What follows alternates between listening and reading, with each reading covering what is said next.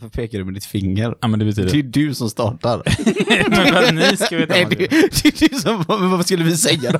Du kan inte trycka på knappen och säga kör. Du skulle ju börja med något. Ja, jo. ju börja. Men det- jag hade inte riktigt hunnit planera det. Men det var liksom... Idag ska vi prata BH-storlekar. Det ska vi faktiskt. Jaha, intressant. Ja. Vad, Det är mer vad vill du prata om idag, Sebastian? Eh, narkolepsi. Ja. Eller jag menar sömnapné vill jag prata om idag. Ja, och Jim då? Jag ska prata om gamlingar. Gamlingar. Vad spännande det här blir. Nu tänker lyssnarna, vad fan är det jag lyssnar på? Och de lyssnar på Fuck you podcast. med Jim Tellefsdal. Sebastian Borssén. och Isak Ekblom. It's a big fucking deal. What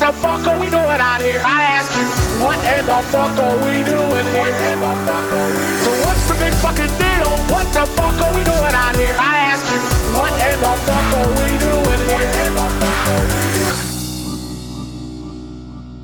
Så, då är vi tillbaka här. Sista avsnittet som vi gör innan årsskiftet.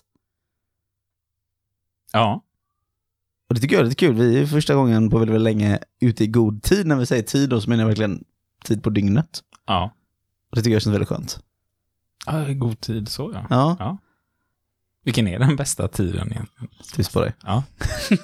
Ja, det är inte god fortsättning du tänker. eh, God fortsättning till dig som lyssnar. Ja, det kan vi. Nej, jag menar med tiden vi faktiskt satt oss lite så här på dagen liksom. Att vi inte sätter oss klockan sju på kvällen. Nej, för klockan är nu 12.46. Ja. Vi skulle börjat nio. Ja, Vi är lite sena får vi säga ändå. ja, ja men då, då kan ju lyssnarna förstå hur lång tid det tar för oss vanligtvis att bara starta och spela in avsnittet. Mm. Ja. Hur eh, har eran ledighet varit än då? Jag har inte varit så himla ledig. Så du jobbade på julafton? Nej, det gjorde jag inte. Nej, den ledigheten frågar Isak om. Nej, men, ja, okej. Ja, nej, men det var trevligt. Jag hade också väldigt trevlig jul. Det blev inte kaos och började brinna? Det, det gjorde inte det. Nej. Nej, men jag hade ju fel på spåkulan. Men hade jag haft rätt så hade det ju inte varit så kul kanske då, men eh, hade jag haft rätt i alla fall. Jag hade kunnat skryta med det i alla fall Ja. och glad över det. Ja. Ja. Härligt. Du då? Eh, jag hade inte riktigt rätt. Det blev ingen frukost hos min far här, för både min styvmor och min syster jobbar ju på coronaintensiven just nu. Så Ja. att eh, de hade strikta regler om att hålla sig borta från alla typer av smittor och bara umgås med de som bor i samma hushåll eller de man arbetar ihop med. Så vi ställde lite in julen där. Ja. Men annars var det supertrevligt. Ja. Vi var hos Linneas mamma istället och så min mamma var nere från Värmland. Så det var kanon. Kul. Supermysigt och härligt. Och fick äntligen flyttat min byscha som jag haft ståendes på tomten. Mm, det såg vi när vi kom här. Ja. En stor kranbil var här och lyfte den över huset. Och det var lite läskigt. Så att du den över huset. Ja, så frågade han, vill du ha ett nytt hus? sa han, när han var mitt över huset. och så var det jag som satte dit krokarna på containern med. Så kände jag så här, har jag gjort rätt nu? Har du satt den så? Ja, du ska inte dubbelkolla? Nej, jag litar på dig, sa han. Och då kändes det så här, ja, tack för den liksom. Ja. Och då undrar man ju, hur gäller försäkringarna då? Det tror jag inte. Jag får fråga någon. de satte ju dit själv, hade han sagt. Det här är ju ditt fel, han har ju bara åkt med den kranbilen. Men eh, det blir bra. Det blir bra. Ja. Så nu kan jag äntligen börja bygga min carport här, som, som jag sa att jag skulle göra för ett år sedan. Får vi se. Och nästa år här i slutet på året får du säga om din carport då. Ja, men nu tänker jag att vi är inte klara till sommaren. Det, så ligger det planerat. Därför att eh, vi ska kanske ha en liten bebis till här också. Ja, just det. Men det är väldigt tidigt än så länge, så man vet ju inte hur det blir. Nej. Det är väldigt tidigt, femte veckan bara, så att det kan gå hur som helst, men eh, troligtvis i augusti. Det blir fokus på det. Och Jim, han, du har också fått något nytt. Eller ska få något nytt. Ehm, Jag tänkte att du skulle få en lägenhet. Ja, det ska jag ju få till. Eller du ska byta lägenhet. jag ska byta lägenhet. Till en mycket större. Ja, ja, den är ju nästan, Nästan dubbelt så stort. Vem är patron nu i det här gänget? Du, Ja. Ja, jag är det är fortfarande du Jag är fortfarande ett par hundra kvadrat mindre än dig. Jo, men det blir dubbelt så stort. Man, det är ju Alltså, ökningarna man Jims tittar på. lägenhet kommer typ vara lika stort som ditt sovrum liksom. Ja, men det är ökningarna. Man tittar på ökningarna. Tittar man på. Ökningarna. Ja, Jag har inga fantastiska nyheter så bara berätta. inget som har hänt. Jag vann 100 spänn på Lotto. Nej, Jo, shit. mm, på julafton. 100 kronor. 100 spänn. Vad ska ni hitta på för de här pengarna? Jag vet inte, jag vet inte. Det, det känns ju nästan större än era nyheter. Eh, Ja, så så det det, det, är ju svårt att bara säga vad man ska göra på rak arm sådär. Jag hade väl placerat dem i någonting tryggt, tror jag. Ja. Man vill ju inte riskera för mycket heller. Nej, Liksom. precis. Alla de pengarna på en och samma gång. Det får man nästan dela upp. Som, det känns ju för jävligt om man skulle tappa alla de pengarna samtidigt. Ja. Men det är, det är kul. Ja. Det, vi har börjat kolla på en serie som heter Friheten. Aha. Jag ner. Det är första gången på länge som jag har haft typ tid att sitta och titta på en serie känner jag utan att... Och det är faktiskt ganska spännande. Det handlar om två svindlare. Och då sitter vi och tittar på den här hur de liksom lurar på sig pengar från företag och banker och lite allt möjligt. Så liksom. Och Linnea reagerar inte förrän deras son ska behöva sälja bingolotter för sitt fotbollsförening liksom, eller curlingförening här. Då bara, det är så förjävligt hur man kan tvinga barn att sälja lotter. Med tanke på hur mycket spelmissbruk och allt det finns. Och så ska Ja. barn stå och förmedla ut detta liksom.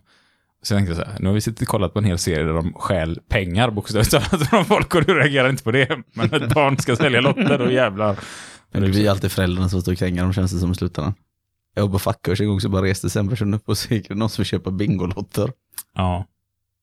Ja, det gör inte jag faktiskt. Jag stöttar inte sånt. Utan jag ger hellre pengar till föreningen i så fall. Men nu vann du 100 kronor i alla fall. Ja. Och tänk på det, om man köper alla trisslotter som finns, så går man back. Den är spännande. Har ni tänkt på det någon gång? Ja, men det är väl så Det fungerar. lotter fungerar. Det är värt att tänka på i alla fall. Så har vi gjort lite reklam för Svenska Spel och Nej, nu gjorde du det. Det tycker jag han kan säga. Den här. Sveriges starkaste betting-sajt. Om du bettar på allt så går du back 70 procent. Och så kommer det upp en logga. Det tycker Ja. jag hade varit en bra, bättre bettingreklam. Men vi ska inte prata det nu. Det kommer vi att prata längre fram. Lite så här eh, missbruksproblematik och lite sånt där kanske ihop med rehab och lite sådär när man eh, kan. För det tror jag säkert många av er som lyssnar på haft kollegor som, eller kanske själva, Mm. hamnat i någon form av missbruk och fastnat lite sånt där. Man får ju se rätt mycket sånt när man sitter på en stor klubb som jag gör. Jag har suttit väldigt mycket förhandlingar kring missbruk. Och nu börjar Sebastian skratta. Det är högst olämpligt. Men vad är det som är kul just nu? Är det mailboxen här du läser det? skrattar. Har vi fått något konstigt mail? Nej. Säga det. Det är jättebra. Jag vet inte, det kändes så löjligt jag var så i det början. Jag bara, jag bara, det är så fuck you utropstecken liksom, granska inställningarna Ja. för ditt Google-konto. Det ser ut som att Google har skickat ett mail till oss. Lite, lite, fuck hotfullt, you, ja, liksom lite hotfullt så liksom. Ja. Men det står faktiskt fuck you. Mm. Men eh, vi, vi, vi har lovat att vi ska börja göra det. Att vi ska börja läsa upp lite av mejlen som kommer in och hänga ut det.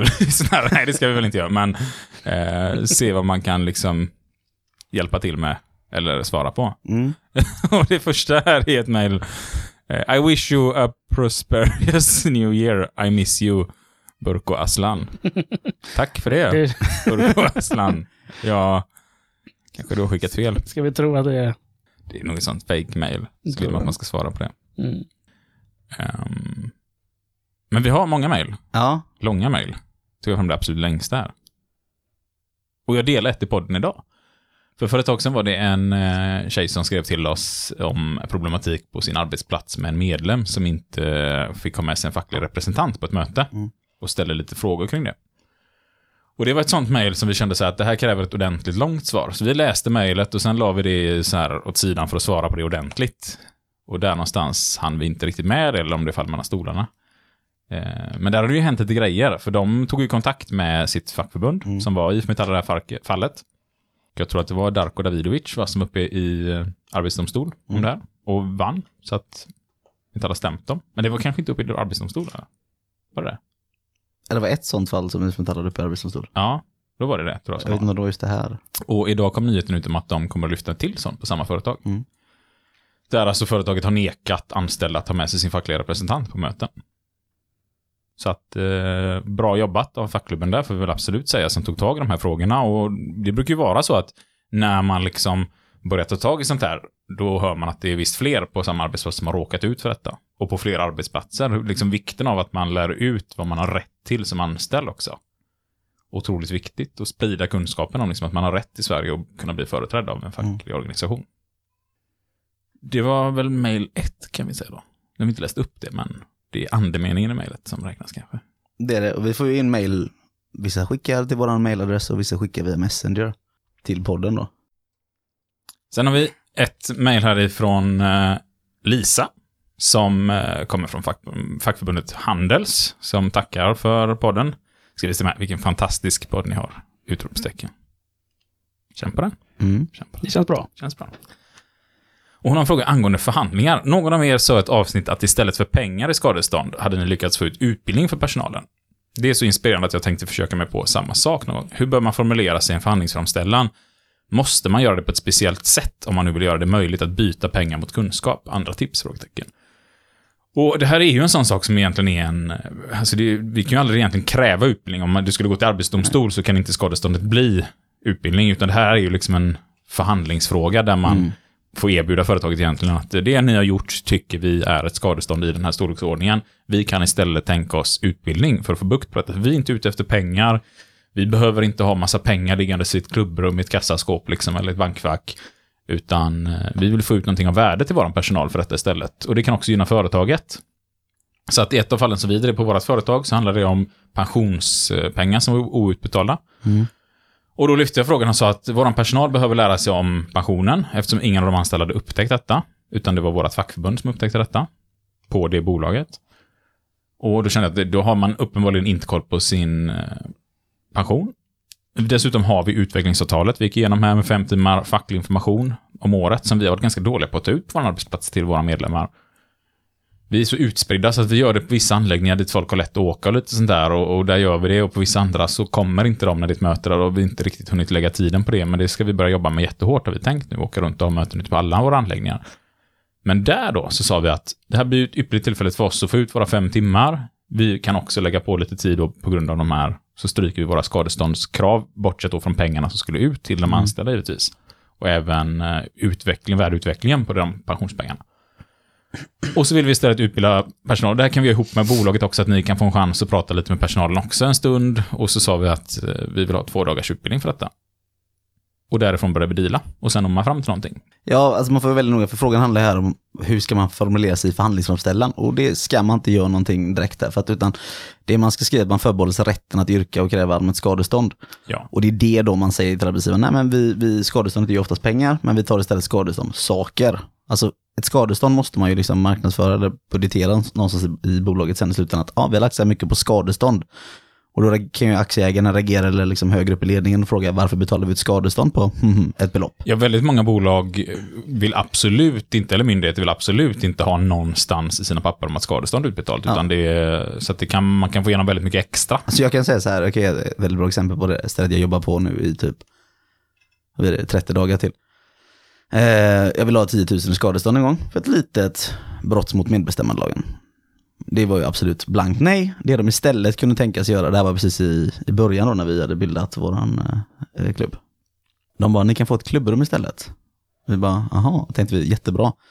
Men vi valde ändå så att sitta lite liksom stenansikte och kolla tillbaka, typ som, nej det kan vi nog inte acceptera, det här är allvarligt brott liksom. Ja men ni kan få dator och skrivare och en skanner och, och så massa kontorsutrustning.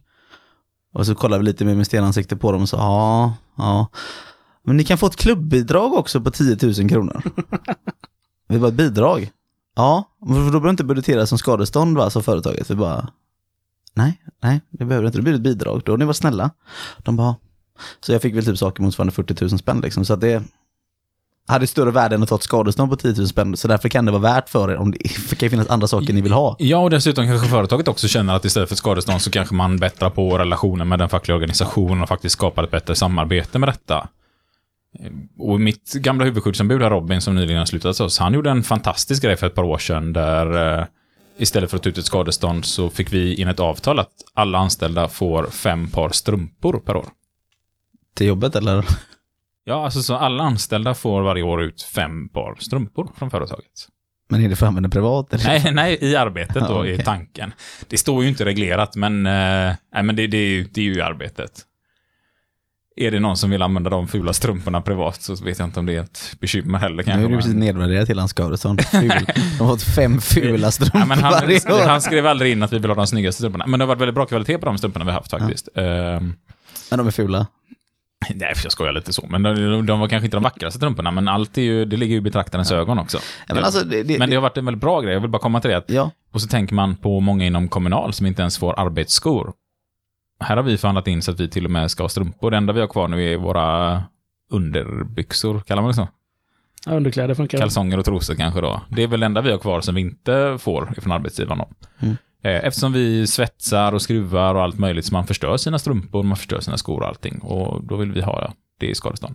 Ja. Och sen har, man, har vi även lagt tidigare om eh, att cheferna får utbildning. Ja. Om vi har haft ett problem med att en chef bryter mot arbetstidslagen väldigt mycket så får han gå en arbetstidslagsutbildning.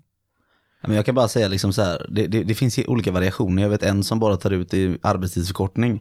Ja, då får alla en dags arbetstidsförkortning och bryter mot någonting exempelvis. Jag tar ut ibland i fikor till de anställda.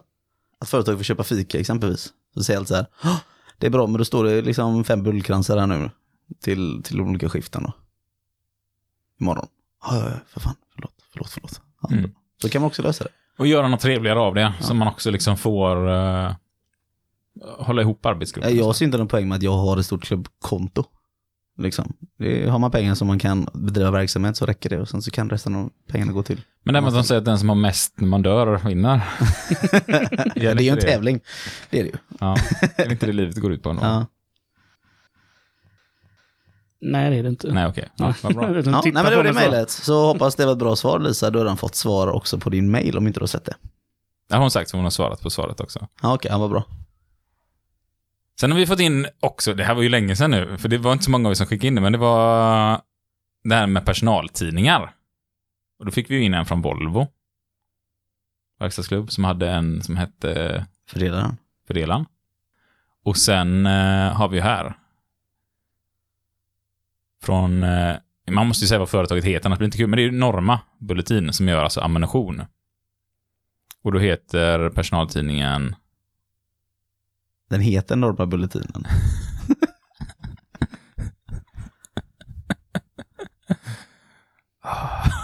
Så jävla dålig de är.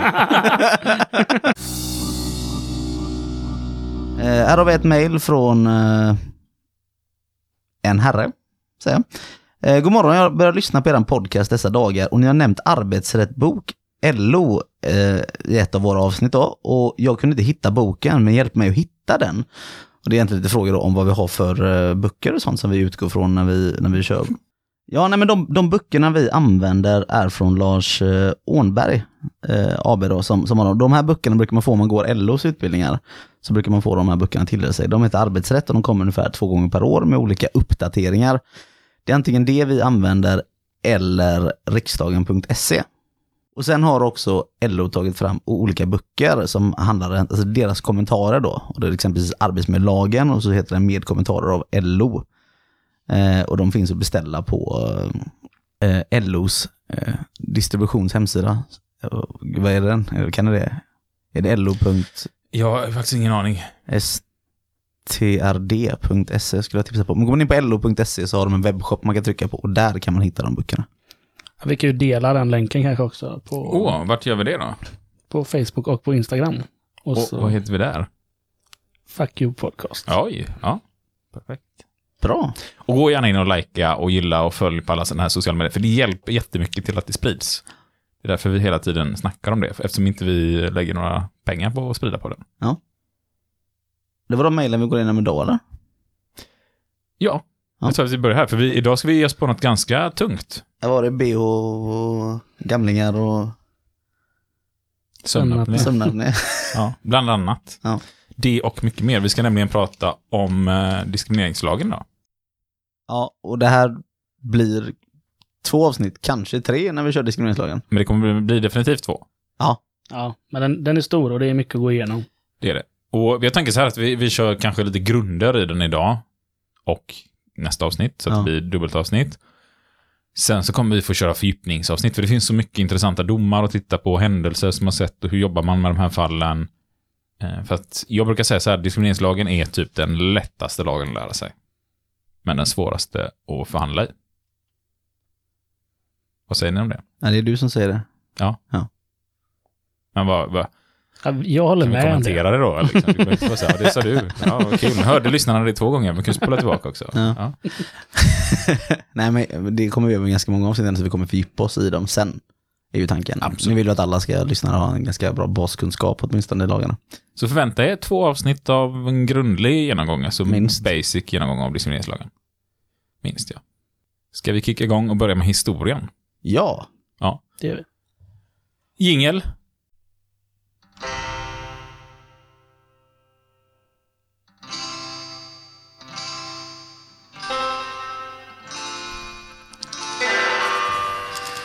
Det här är fantastiskt fint. Det är...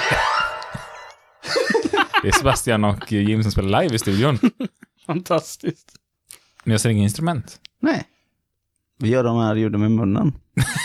det gjorde ni inte. Det gjorde ni verkligen inte. Det är... är helt digitalt är det. Via telefon och dator. Ja. Fantastiskt. Mm. Tack. Och så realistiskt det låter. Och proffsigt. Kunde med surfplatta så kan också få vara med. Väldigt proffsigt var det. Ja, det står ju en riktig gitarr här bakom annars som jag skulle kunna. Ja. Men alltså, spela bra Isak. Nej, det kan jag inte. Historien till... Eh, det blir lite oseriöst här nu, för nu ska vi prata om ganska allvarliga grejer. Med humor kanske det blir roligare. Ja, Förhoppningsvis lättare att lyssna på i alla fall. 1900 till 1910, då kom ju kravet om kvinnlig rösträtt. På allvar i svensk arbetarrörelse historia i alla fall. Sen har jag en stark känsla av att det kravet har funnits längre än så. Mm. Annars är jag besviken på dåtidens människa. 1919 får vi kvinnlig rösträtt. Och det här pratar ni rätt ordentligt om i våra historieavsnitt där. Jag tror det var avsnitt 27 och avsnitt 28. Om ni har missat det. Det var där de fick igenom det, men inte att de fick rösta det valet. Men det är ju först eh, 1900, på 1920-talet som kvinnor blir myndiga överhuvudtaget. Och 1939 kommer det här förbudet mot att avskeda kvinnor när de gifter sig. Och det, vi läste ju upp ett sånt avskedsbrev där i Mm. avsnitt 27 eller vad det nu var. Var hon jobbade som sekreterare var det va? På en veckotidning för damer. Ja. Som känns extra sådär, liksom. inte ens där fick man jobba kvar på en veckotidning för damer. 40-talet, då läggs jämställdhetsfrågorna på is. Alltså man, eh, man vill att se till att det är familjepolitik istället som ska främjas och eh, få igång barnafödandet då här. Eh, Men det kommer också 1947, så kommer också den första kvinnan in i regeringen, och det är Karin Kock. 50-talet hoppar vi till nu. Kvinnornas löner i avtalen, 30% lägre än männens löner. Och det berättade ju du om någon arbetsgivare som hade ringt in och frågat vad kvinnolönerna var. Ja. Det är faktiskt så det har sett ut, att det har skilt, fram till ganska modern historia.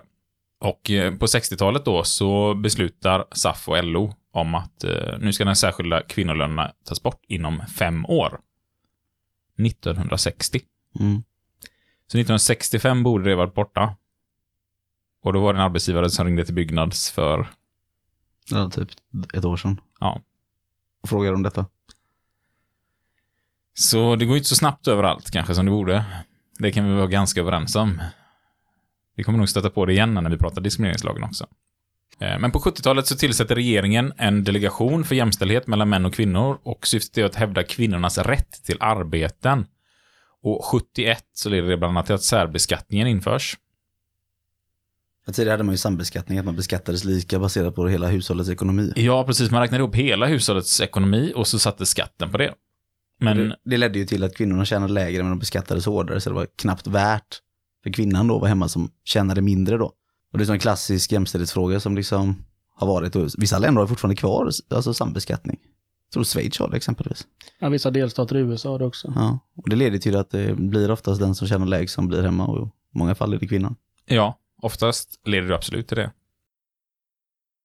1974 så görs moderskapspenningen om till då det könsneutrala ordet, alltså föräldraförsäkringen istället. Och under 70-talet så blir den här könsuppdelade arbetsmarknaden mer påtaglig. Mycket på grund av den offentliga sektorns Och expansion. 1979 då så kommer den första diskrimineringslagen, alltså jämställdhetslagen. Eh, syftet med den var att motverka könsdiskriminering och främja lika rättigheter och möjligheter mellan kvinnor och män i arbetslivet. Så det är egentligen först 1979 som vi får till någon form av lagstiftning som vi idag kallar diskrimineringslagen. Mm. Det är ju ganska långt fram. Under 80-talet då så bildades JämO för att övervaka jämställdhetslagen. Eh, här börjar man också utforska, utforska, utöka genusforskningen.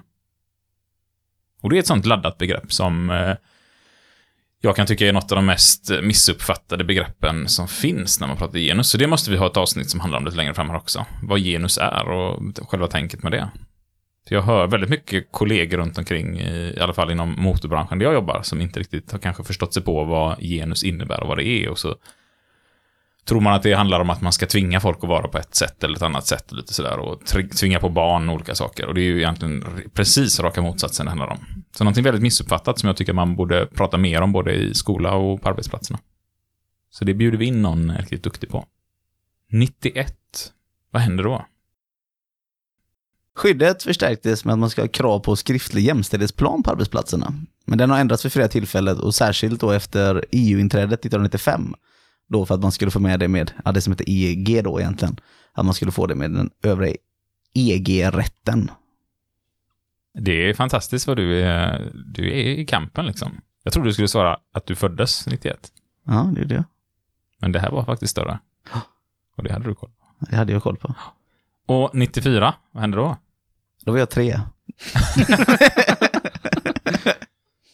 Och Kenneth Andersson gjorde pickadoll Ja, precis. Vi tog ju brons i- brons i... Fotbolls-VM.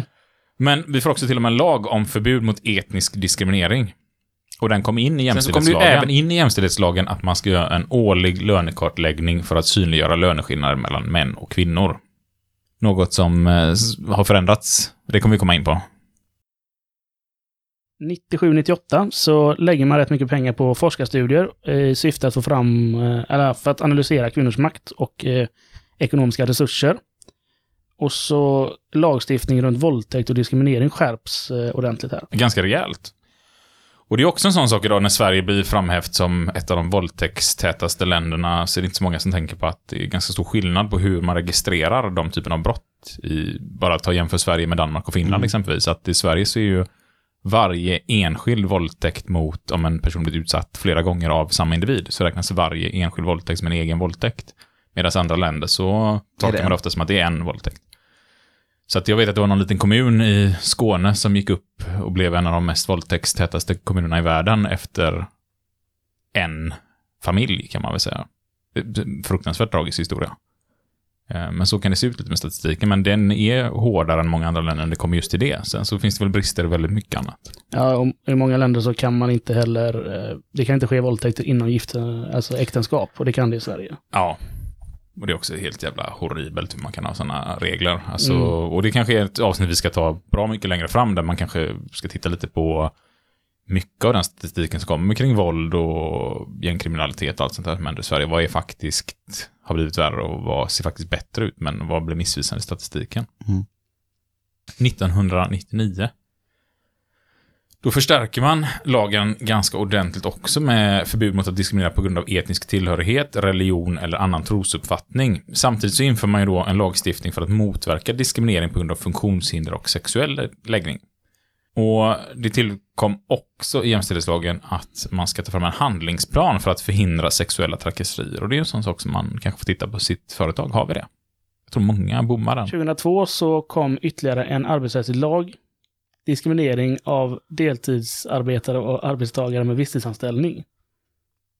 2003 så antogs en mer generell diskrimineringslag om förbud mot diskriminering. Den här lagen tog sikte på områden som låg utanför förhållandet mellan arbetssökande och eh, arbetstagare och arbetsgivare. Men även till viss del anknöt till olika arbetslivsfrågor, till exempel vid diskriminering vid förmedling av arbetskraft och annan arbetsmarknadspolitisk verksamhet. Lagen gällde också en del områden utanför arbetslivet, till exempel tillhandahållet av varor och tjänster. Och den här lagen förstärktes också 2008 sen kan man säga.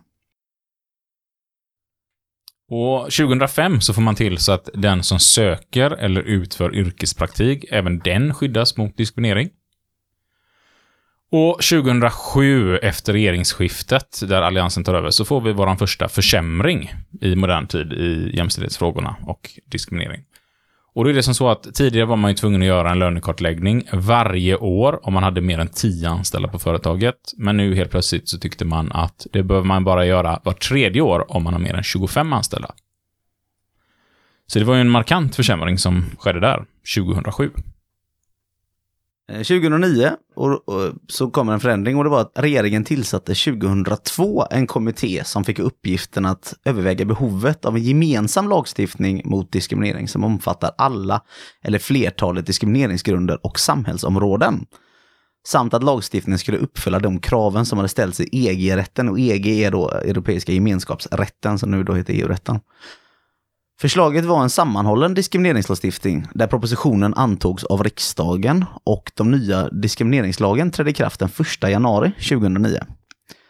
Och från och med den 1 januari 2009 hade även de olika diskrimineringsombudsmännen som fanns, det fanns ju olika då, exempel som JämO och DO och så vidare, slagits ihop till en ny myndighet. Och det var då Diskrimineringsombudsmannen, DO, som vi kommer kalla det några gånger i podden. Den nya lagen innehåller även en del nyheter. Exempelvis införs två nya diskrimineringsgrunder här och det är ålder och könsöverskridande identitet och uttryck. Och vidare ersätts påföljden allmänt skadestånd med diskrimineringsersättning. Och det kan man väl bara säga lite kort, slarvigt enkelt här, att eh, allmänt skadestånd, det, det, det, det går ju ut och tillfaller föreningen då exempelvis, alltså klubben kan det vara, det kan vara eh, eh, facket. Men diskrimineringsersättning till, tillfaller personen och individen som blivit drabbad av den diskrimineringen. Ja, och eh, från och med 1 januari 2015 så införs bristande tillgänglighet som en ny form av diskriminering i diskrimineringslagen. Bristande tillgänglighet innebär att en person med en funktionsnedsättning missgynnas genom att man inte har vidtagit skäliga åtgärder för tillgänglighet för personen i fråga. Så att den ska kunna komma i en jämförbar situation med personer utan den här funktionsnedsättningen. Det finns dock vissa undantag från det här förbudet och i arbetslivet så gäller förbudet inte för den som gör förfrågan om arbete. Eh, Sen är det lite så här med tillhandahålla bostäder och eh, vid bygglov, startbesked och lite sånt där som vi kanske inte behöver gå in på här. Första januari 2017 så hände dock någonting. Men det händer en liten grej där till också. Eh, och det är att ordet funktionshinder ersätts med funktionsnedsättning i diskrimineringslagen. Det gör det, både i skollagen och i lagen om uthyrning av arbetstagare och diskrimineringslagen som du sa. 2017, 1 januari. Vad händer då? Eh, 1 januari 2017 så kommer kapitel 3 aktiva åtgärder som säger då att arbetsgivaren ska jobba med aktiva åtgärder för att motverka diskriminering och på annat sätt verka för lika rättigheter och möjligheter då, oavsett de här olika diskrimineringsgrunderna som finns. Och det första man ska göra då är att undersöka om det finns risker för diskriminering och repressalier eller om det finns andra hinder för enskildas lika rättigheter och möjligheter i verksamheten. Två, så ska man analysera orsaker till att upptäcka risker och hinder. Och tre, så ska man vidta de förebyggande och främjande åtgärderna som skäligen kan krävas. Och fyra då, eh, följa upp och utvärdera arbetet enligt ett till tre punkterna som jag läste upp. Ja, och det ska ju göras fortlöpande och tidsplaneras.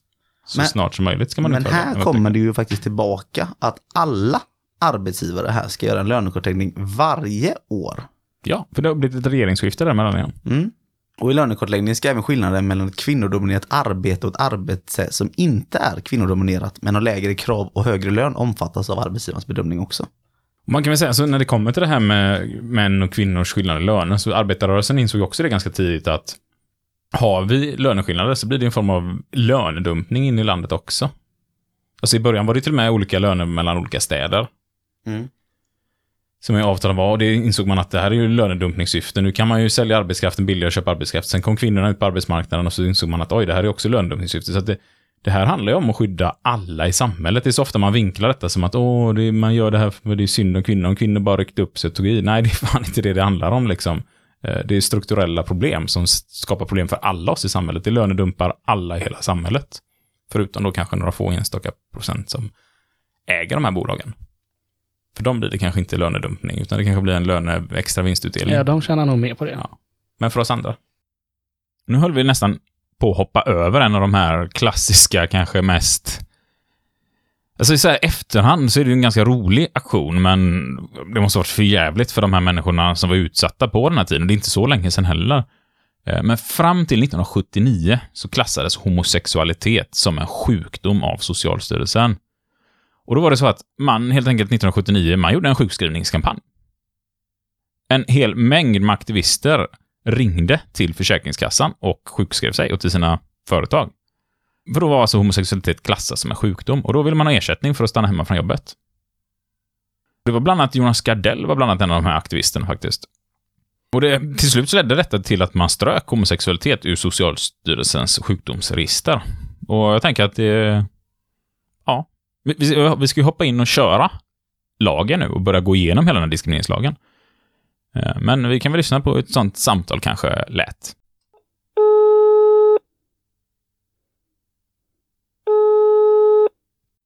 Margaret Andersson, VD på Tonto Turbo. Eh, Hej chefen, det var Isak här. Jag tänkte bara meddela att jag kan inte komma in till jobbet här. Jag är lite sjuk. Är du sjuk idag? Ja, tyvärr. Ja, vad är det då? Jag har nog åkt på en gnutta homosexualitet här bara, så att det ska bli hemma ett tag. Ja. Vad sa du? Vad var det? Jag har åkt på lite homosexualitet här, så att jag kommer vara hemma ett tag. Homosexualitet? Ja. Så, men eh, ja, du, du kan ju bara sätta in sjukersättningen på mitt konto här sen. Så, ja, hörs vi. Ja, men det var lite kort om historien i alla fall. Mm. Väldigt kort. Eh, Ja, vi det, kommer ju, det var inte jättemycket, nej precis. Nej, men vi kommer ju komma in på mer historia under tiden vi går igenom lagen här. Ja. Och vi kommer göra så här nu idag att vi börjar med kapitel 1 i lagen. Det är ett ganska Mm, ordentligt för det, för kapitel. Det är rätt mycket kapitel. Ja, det, det är mycket viktigt här i första kapitlet. Ja, och totalt är det sex kapitel och sen övergångsbestämmelser. Ja. Sen har vi lite AD-domar vi tänkte vi ska gå igenom också. Så det blir lite spänning över det. Mm. Lite ärenden som har hänt och vad hände med dem? Vad tog det vägen? Så man ska få en bild av hur är det dömt i de här fallen. Men om vi börjar i första kapitlet då som kallas för, eller som heter de inledande bestämmelserna, så är det paragraf 1, lagens ändamål. Denna lag har till ändamål att motverka diskriminering och på andra sätt främja lika rättigheter och möjligheter oavsett kön, könsskrivande identitet eller uttryck, etnisk tillhörighet, religion eller annan trosuppfattning, funktionsnedsättning, sexuell läggning eller ålder. Det var paragraf 1. Här talar han egentligen om eh, vad är ändamålet med den. Det är att motverka all form av diskriminering egentligen. Ja, precis. Men det kommer vi komma in på lite, på skillnaden på kränkande särbehandling och diskriminering och lite sånt där. För att det Mm, blandas precis. ofta ihop. Ja, det är väldigt vanligt. Och det är därför kapitel 1 blir väldigt ordentligt här nu. Mm. Kapitel 2, höll jag på att säga. Paragraf 2. Lagens innehåll. Lagens första kapitel innehåller definitioner och andra inledande bestämmelser. I andra kapitlet finns bestämmelser om förbud mot diskriminering och repressalier. I tredje kapitlet finns bestämmelser om aktiva åtgärder. I fjärde kapitlet finns bestämmelser om tillsyn. I femte kapitlet finns bestämmelser om ersättning och ogiltighet. I sjätte kapitlet finns det bestämmelser om rättegången. Och det är lite hur lagen är uppbyggd egentligen. Pedagogiskt och bra. Ja, det är tydligt. Ja. Och så här brukar det se ut i en lag när den är flera kapitel. Det är ju inte så många lagar som är flera kapitel. Ja, inte arbetsmarknadslagarna i alla fall. Men eh, den här är det definitivt. Mm. Paragraf 3. Lagen är tvingande. Ett avtal som inskränker någons rättigheter eller skyldigheter enligt denna lag är utan verkan i den delen. Den här lagen är alltså inte dispositiv. Det går inte att förhandla bort den här. Man kan inte säga att "Ja, men jag gjorde ett enskilt avtal på att på den här arbetsplatsen är det okej att vi inte anställer Kalle här för att han är man. Nej, precis. Nej. Den, den får inte ändras. Det går inte. Förhandlas om. Paragraf 4. Diskriminering. I denna lag avses med diskriminering 1. Direkt diskriminering. Att någon missgynnas genom att behandlas sämre än någon annan behandlas. Har behandlats eller skulle ha behandlats i en jämförbar situation. Om missgynnandet har samband med kön, könsöverskridande identitet eller uttryck, etnisk tillhörighet, religion eller annan trosuppfattning, funktionsnedsättning, sexuell läggning eller ålder. Så tar vi en paus där. Den här paragrafen är jättelång och fortsätter. Vi börjar här. Alltså första delen i diskrimineringslagen, då pratar vi om någonting som heter direkt diskriminering.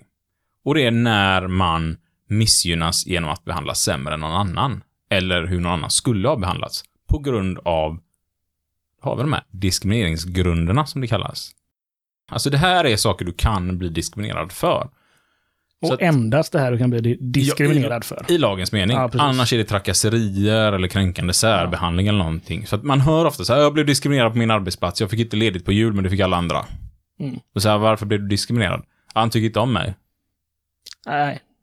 Och varför då? "Nej, vi kom inte överens. Ja, då är det inte diskriminering i lagens mening. Då kan det vara kränkande särbehandling, det kan vara en repressalie eller någonting. Men i lagen så, då är det på grund av något av de här skälen. som vi precis läste upp. Och vi kommer gå igenom lite domar sen och förklara lite hur eh, Arbetsdomstolen har avgjort. Vi fortsätter paragraf 4 här. Punkt 2. Indirekt diskriminering.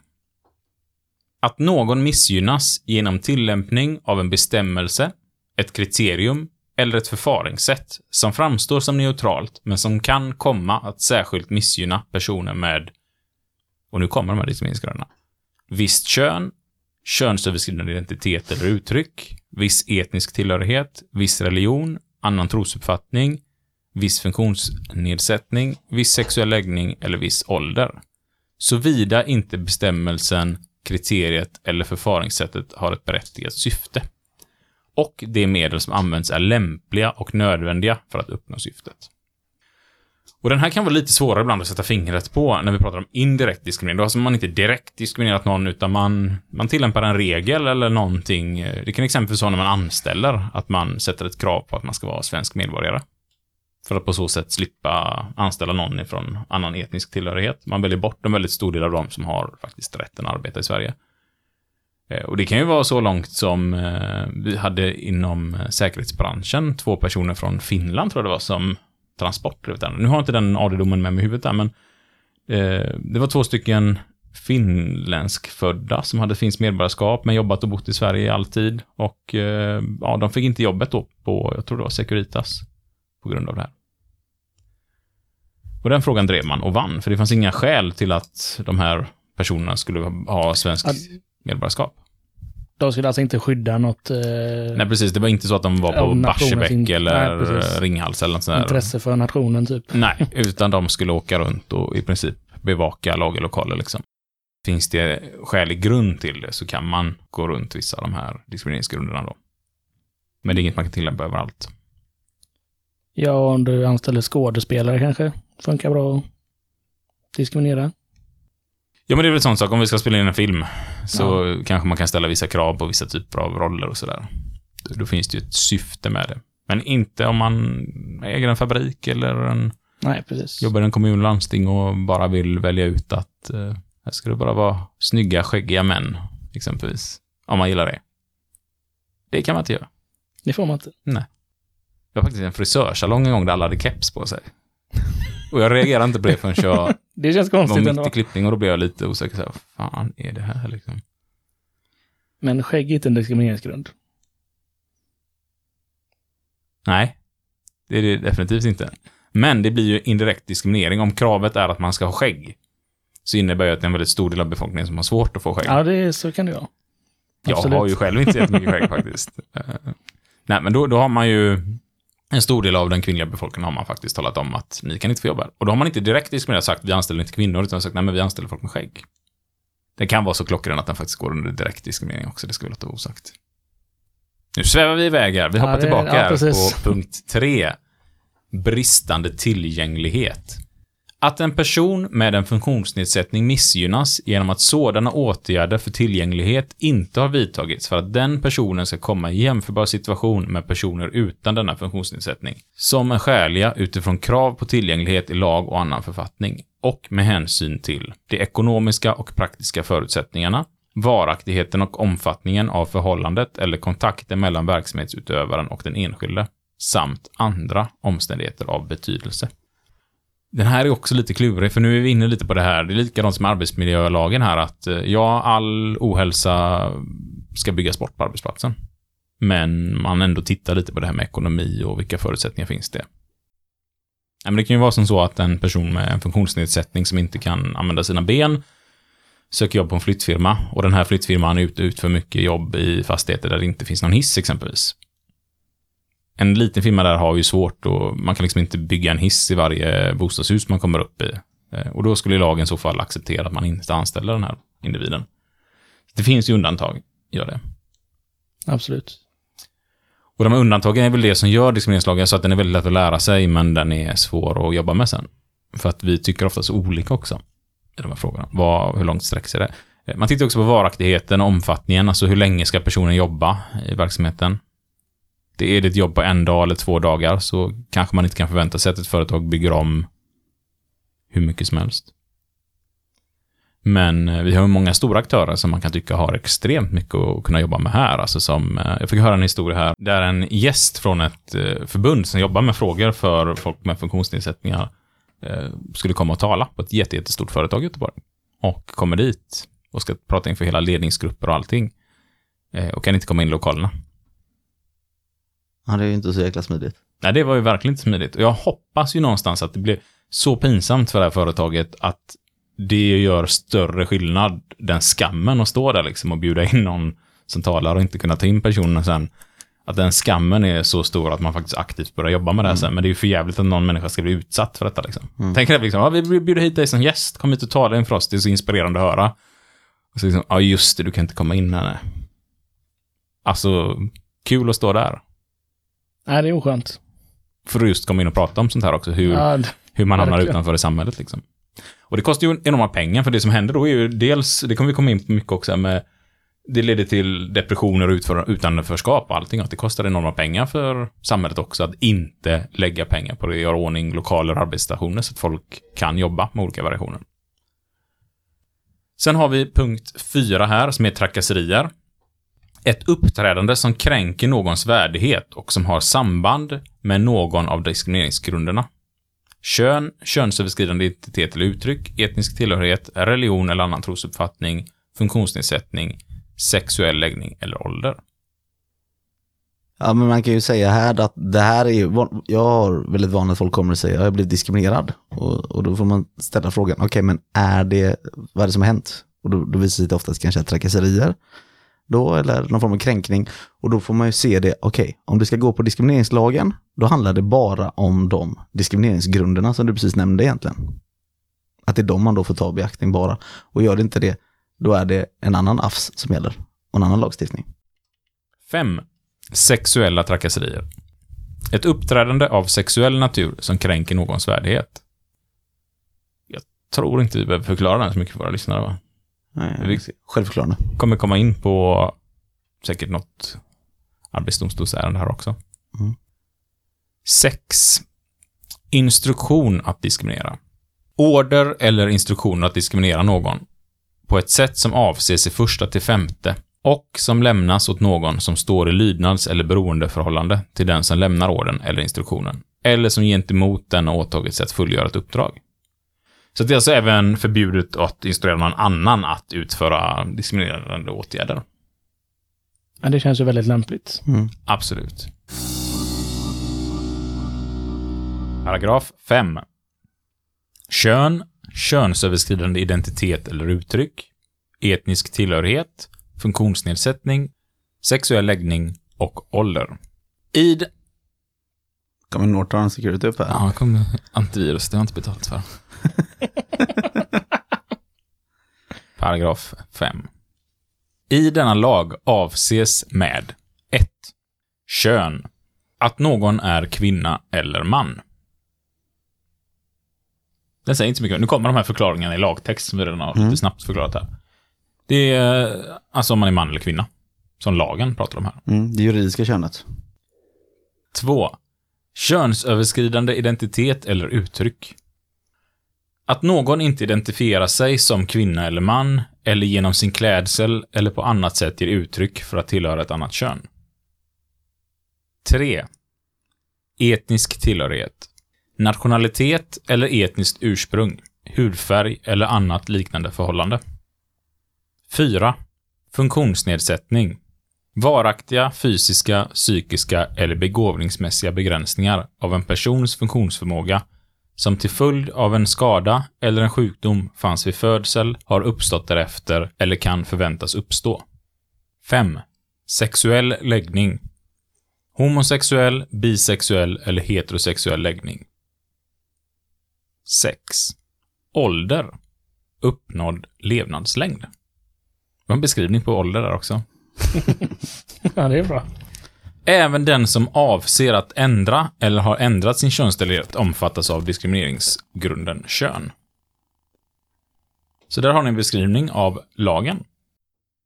Ja, men det här var alltså kapitel 1 som ska förklara grunderna i diskrimineringslagen och jag tycker att de här Men så de är ganska självtalande, eller vad säger man? Alltså det, de förklarar sig själva. De är ändå rätt tydliga i alla Mm. fall. Det är jättetydligt. Eh, när man slår ihop dem åtminstone. Och jag, jag ska säga att i princip ni som lyssnar, nu kan ni diskrimineringslagen. Alltså sen tillkommer det jättemycket grejer nu som vi kommer att gå igenom framtida avsnitt här nu, när vi kör diskrimineringslagen, om hur man jobbar med det här och hur man sätter upp, eh, som vi var inne på här, Aktiva åtgärder. aktiva åtgärder, lönekartläggningen och allt det här. Och de grejerna kommer vi djupdyka lite, men, men det är alltså inte så mycket svårare än så att vi har diskrimineringsgrunderna, vi har gått igenom här nu.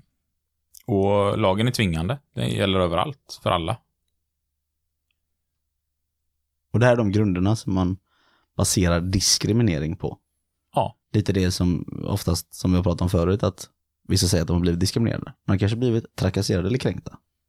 Och därför också blir del ett, tänker vi, också utav det här avsnittet. Ja, men vi sprider det. Vi säger tack och adjö för idag då. Eller? Vi önskar eh, Det känns ett gott blir nytt år i efterhand. Då, eller det? Ja, det gör vi. Men det blev ett jättekort avsnitt här väl? ja, Det vet vi inte Vi riktigt. får när se. här i studion. det har varit en del babbel. Tiden går fort när man har tråkigt eller roligt. Ja, så är det. Tiden går fort när man har syrebrist. En, Definitivt. en fläkt. Eller inte en fläkt, men något... Vi stänger ju av all sån här ventilation för att Ja. det ska låta. Ja, men- Så vi hjälper ut en fläkt. Nej, det gör det inte. Vi förstör hela liksom, ljudet du försöker jobba bort. Syrgasmask. Mm. Det var bra. Det låter så här. Gör det? Ingen aning. Nej. Det är Darth Vader-podden sen. Mm. Folk liksom. Precis. Vad fan sitter Darth Vader och pratar arbetsrätt eller vad är det han gör liksom? Det, Jag har hittat nya spår i livet. så, så blir vi säkert stämda av Disney igen. Det, Igen. det känns som alla vägar leder till att vi blir stämda av Disney här. Eller Per Gessle. Eller Per Gessle. Snart är sommaren kort igen, så sköt om er där ute i landet. Och, eh, Glöm inte att följ oss på sociala och medier. dela oss. Ja, och dela oss på sociala medier. Eh, På Facebook och Instagram. Fuck you podcast heter vi där. Och fortsätt gärna skicka frågor och mejl. Uppenbarligen nu så, så har ni märkt att vi faktiskt lyfter de här även i podden. Så det är ju Ja, lite positivt. Och då mejlar man till fuckyoupodcast@gmail.com. eller skriver på Facebook och Instagram. Det är bra att klappa oss själva på ryggen där. Lite. Ja. Vi gör, vi gör väl ett ordentligt rygg. Och du som lyssnar kan väl klappa dig själv på ryggen också? Så gör vi det nu på tre. Ett, två, tre.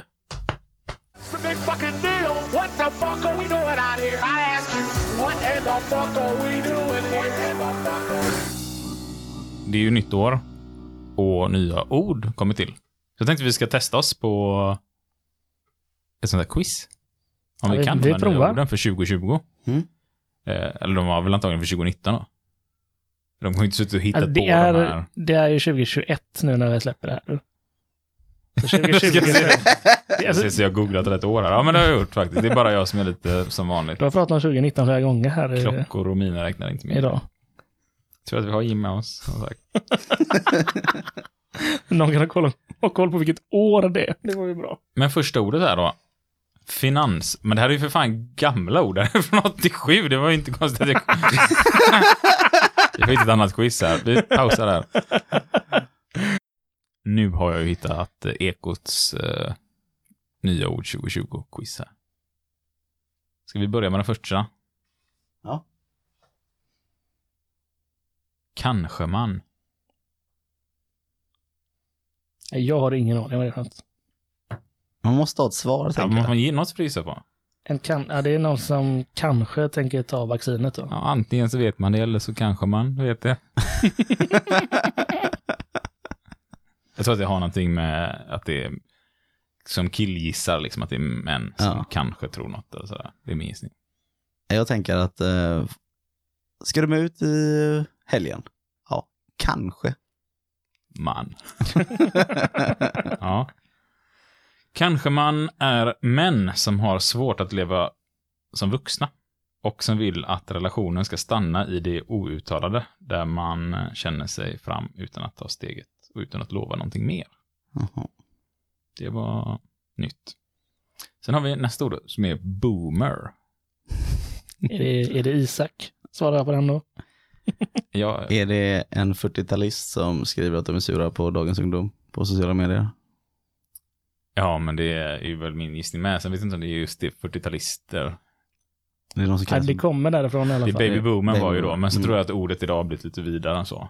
Ja, det handlar om att folk som är lite sura på media och skriver lite så här utan källkritik och så. En boomer är en person i medelåldern eller äldre. Uttrycket används pejorativt för att symbolisera hur hopplöst och passé den äldre generationen är.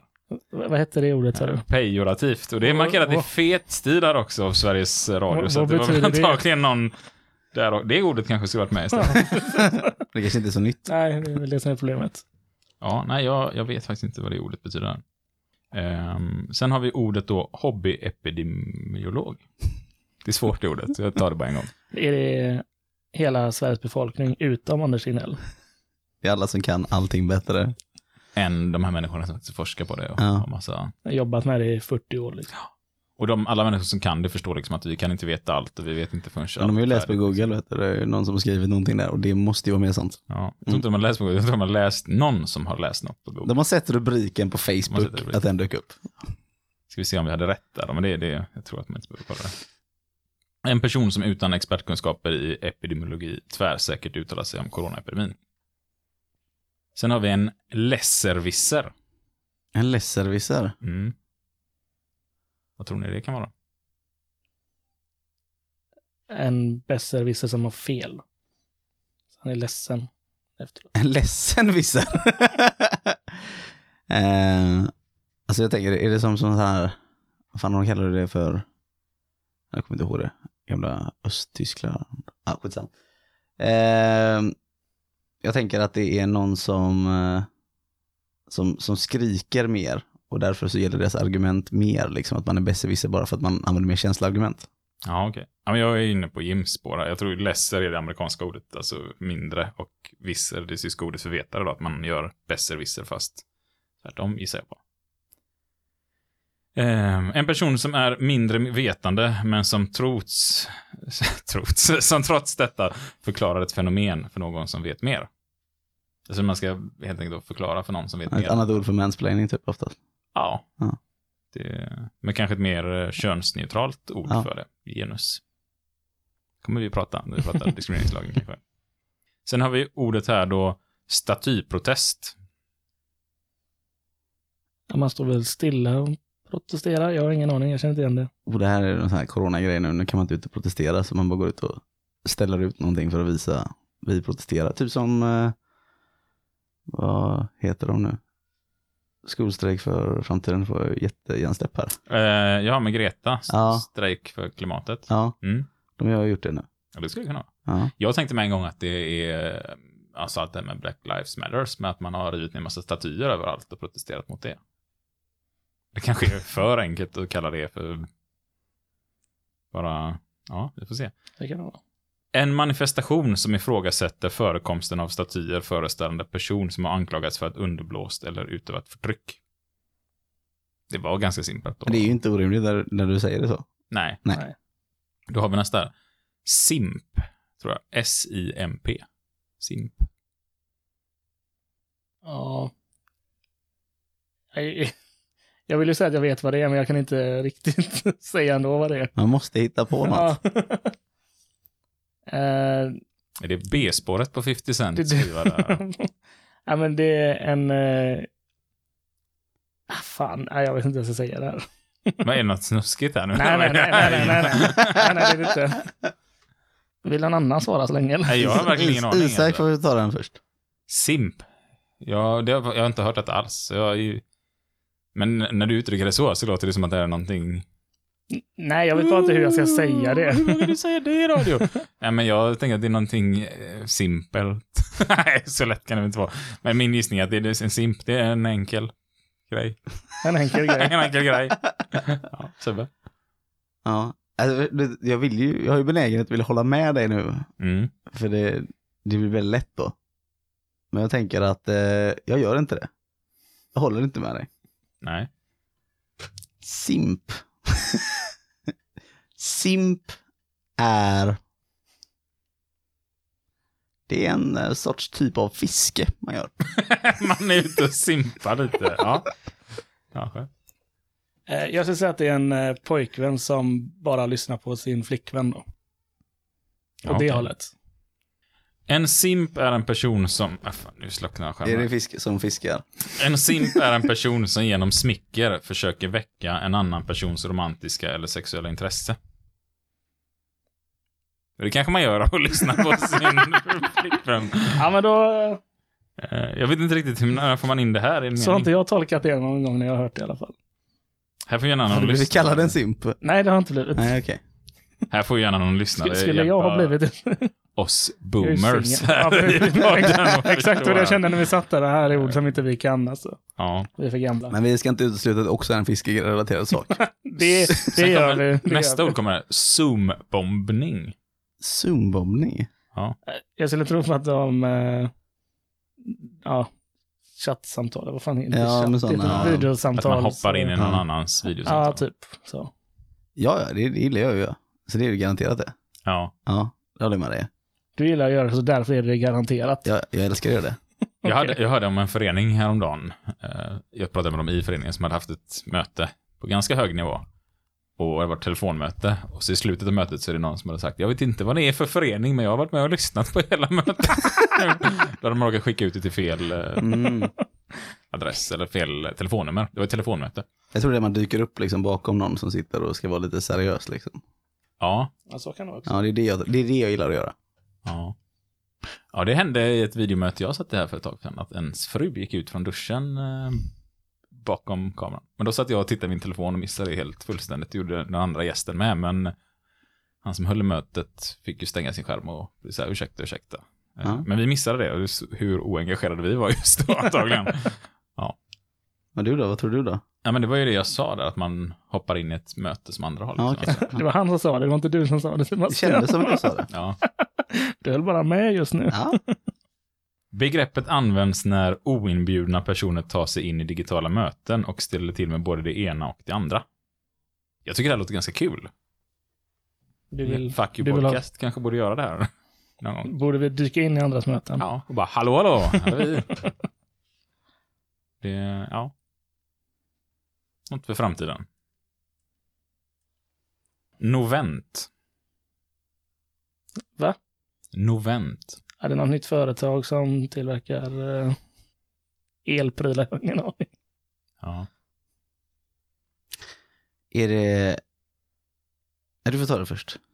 Man, Han vill alltid säga Ja, detsamma. jag, jag, jag tror det är ett, eh, ett event som blir inställt. Ja, ett no-vent. Ja. Den är fan bra. Ja. Istället för event. Ja, att man inte har eventet eller så liksom så här.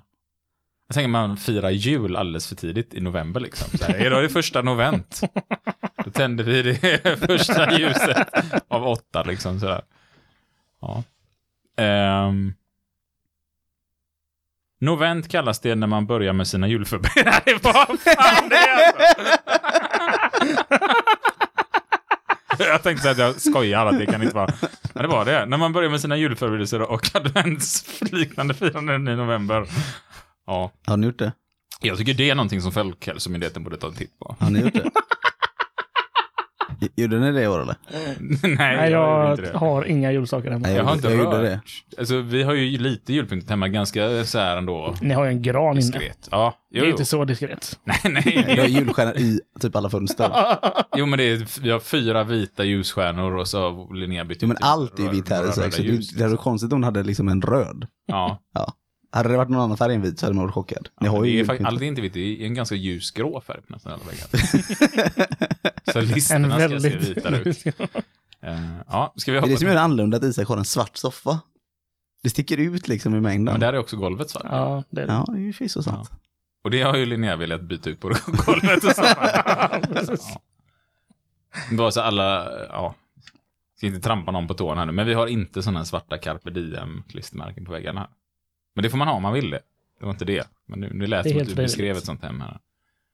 Nu kommer sista ordet här då tror jag. Ja, infodemi. Ja, nu tänker inte jag först längre. Nu tänker jag lyssna på er först så jag har någonting att gå efter här. Ja. ja. Jag kan ju börja då, som jag som sitter på facit här.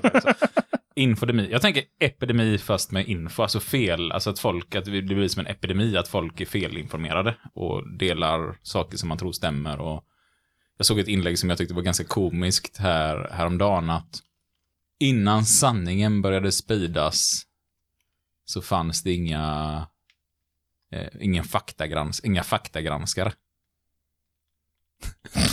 och jag blev så här, ja det är först nu när allt det här sprids på Facebook som de har insett att vi behöver faktagranska. Liksom. Det behövde man inte innan vi kom på sanningen. och det är också ett sätt att se på det. Och ja, vi, det kanske är helt rätt som de har. Det, eh, så kan det vara. Mm, det tycker du. Nej, Ja, det, det får det, dig. det får stå för dig, Det ja. vill jag vara övertydlig med att jag Det inte är tycker. inte alltså en, eh, Men det är- en åsikt som representerar Fuck you man, podcast. kan, man kan inte veta allt. Det var mer så jag menar. Den sitter och har en informationspodd. Och så sitter han och säger att det är falskt. Nej, men vi, också, vi, vi talar också om i våran podd att eh, man ska alltid dubbelchecka det vi säger också. Mm. Vi kan ha fel och råka försäga oss eller läsa något gammalt eller, vad, eller så lyssnar man på avsnittet och så har det hänt förändringar. Så man ska alltid dubbelkolla allting tycker jag är vettigt att göra. Men ibland har man inte alltid tid att dubbelkolla allt. Och då väljer jag att lita på de personer som jag tycker är pålästa och kunniga och är experter på sina områden. Och sen finns det de som väljer att inte göra det. Men jag säger ju att jag kan ju inte veta att det är jag som har rätt. Men eh, frågan var på ordet hette Infodemi. infodemi. Demi. Ja, jag känner att du har nog ganska rätt. Det är halvfakta. Halvfakta. Ja. Ja. Mm, Jag vill säga att det är Man tar lite man, sanning eh, och så slänger man ihop det. Sanning med modifikation. Man, lägger på, man lägger på mycket osanningar. Ja. Ja, för att inte säga samma då så säger jag att det är inf- information som man sen drar tillbaka. Istället. Ja, okej. En infodemi kallas det när ett skadliga rykten sprids globalt. Till exempel att coronaviruset är ett biologiskt stridsvapen. Att det är kopplat till 5G-nätet eller att det skapats på uppdrag av Bill Gates. Mm. ja. Men då var vi ändå inne på rätt spår där. Ehm, Jag såg någon som hade gjort något inlägg där med om att de Så, så ställer... han bekämpar polio för att sen kunna använda corona mot det här. Ja, men så ja, kan det det inte... Men man, det var en person som hade i alla fall gjort ett inlägg. Att ingen skulle misstänka honom. Ja, Jim. precis. Ja, det är smart faktiskt. Ja, det är ju, det är ju så man börjar. Tänk eh, Al Capone. Men, eh, nej, men jag såg en person som gjorde ett Twitterinlägg där som undrar om det nya chippet i eh, coronavaccinet var eh, ihopkopplat med, eh, nej, nej, med Xbox Live. det tyckte jag var lite roligt faktiskt. Ehm, ja, men det var de nya orden för eh, 2020 som Ekot Sverige hade med i sitt sånt där uh, quiz Hur många tog vi här nu?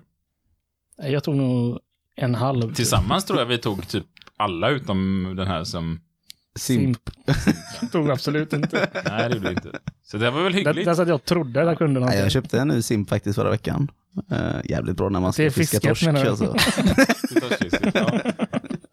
Det är inte alla som känner till det där. Men Ja, men då kör vi på med...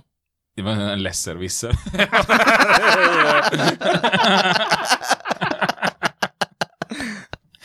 Vi- Och vi kan väl avslöja för lyssnarna att vi gjorde ett sånt här quiz eh, inför när vi skulle börja spela in avsnitt ett. Var det det?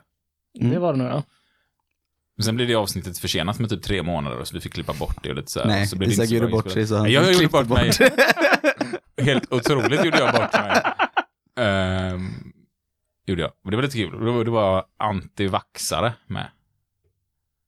Och jag sitter Det där. lät som du sa att det var antivaxare med. Nej, nej, men det, det var med som ord. Och då, Ja.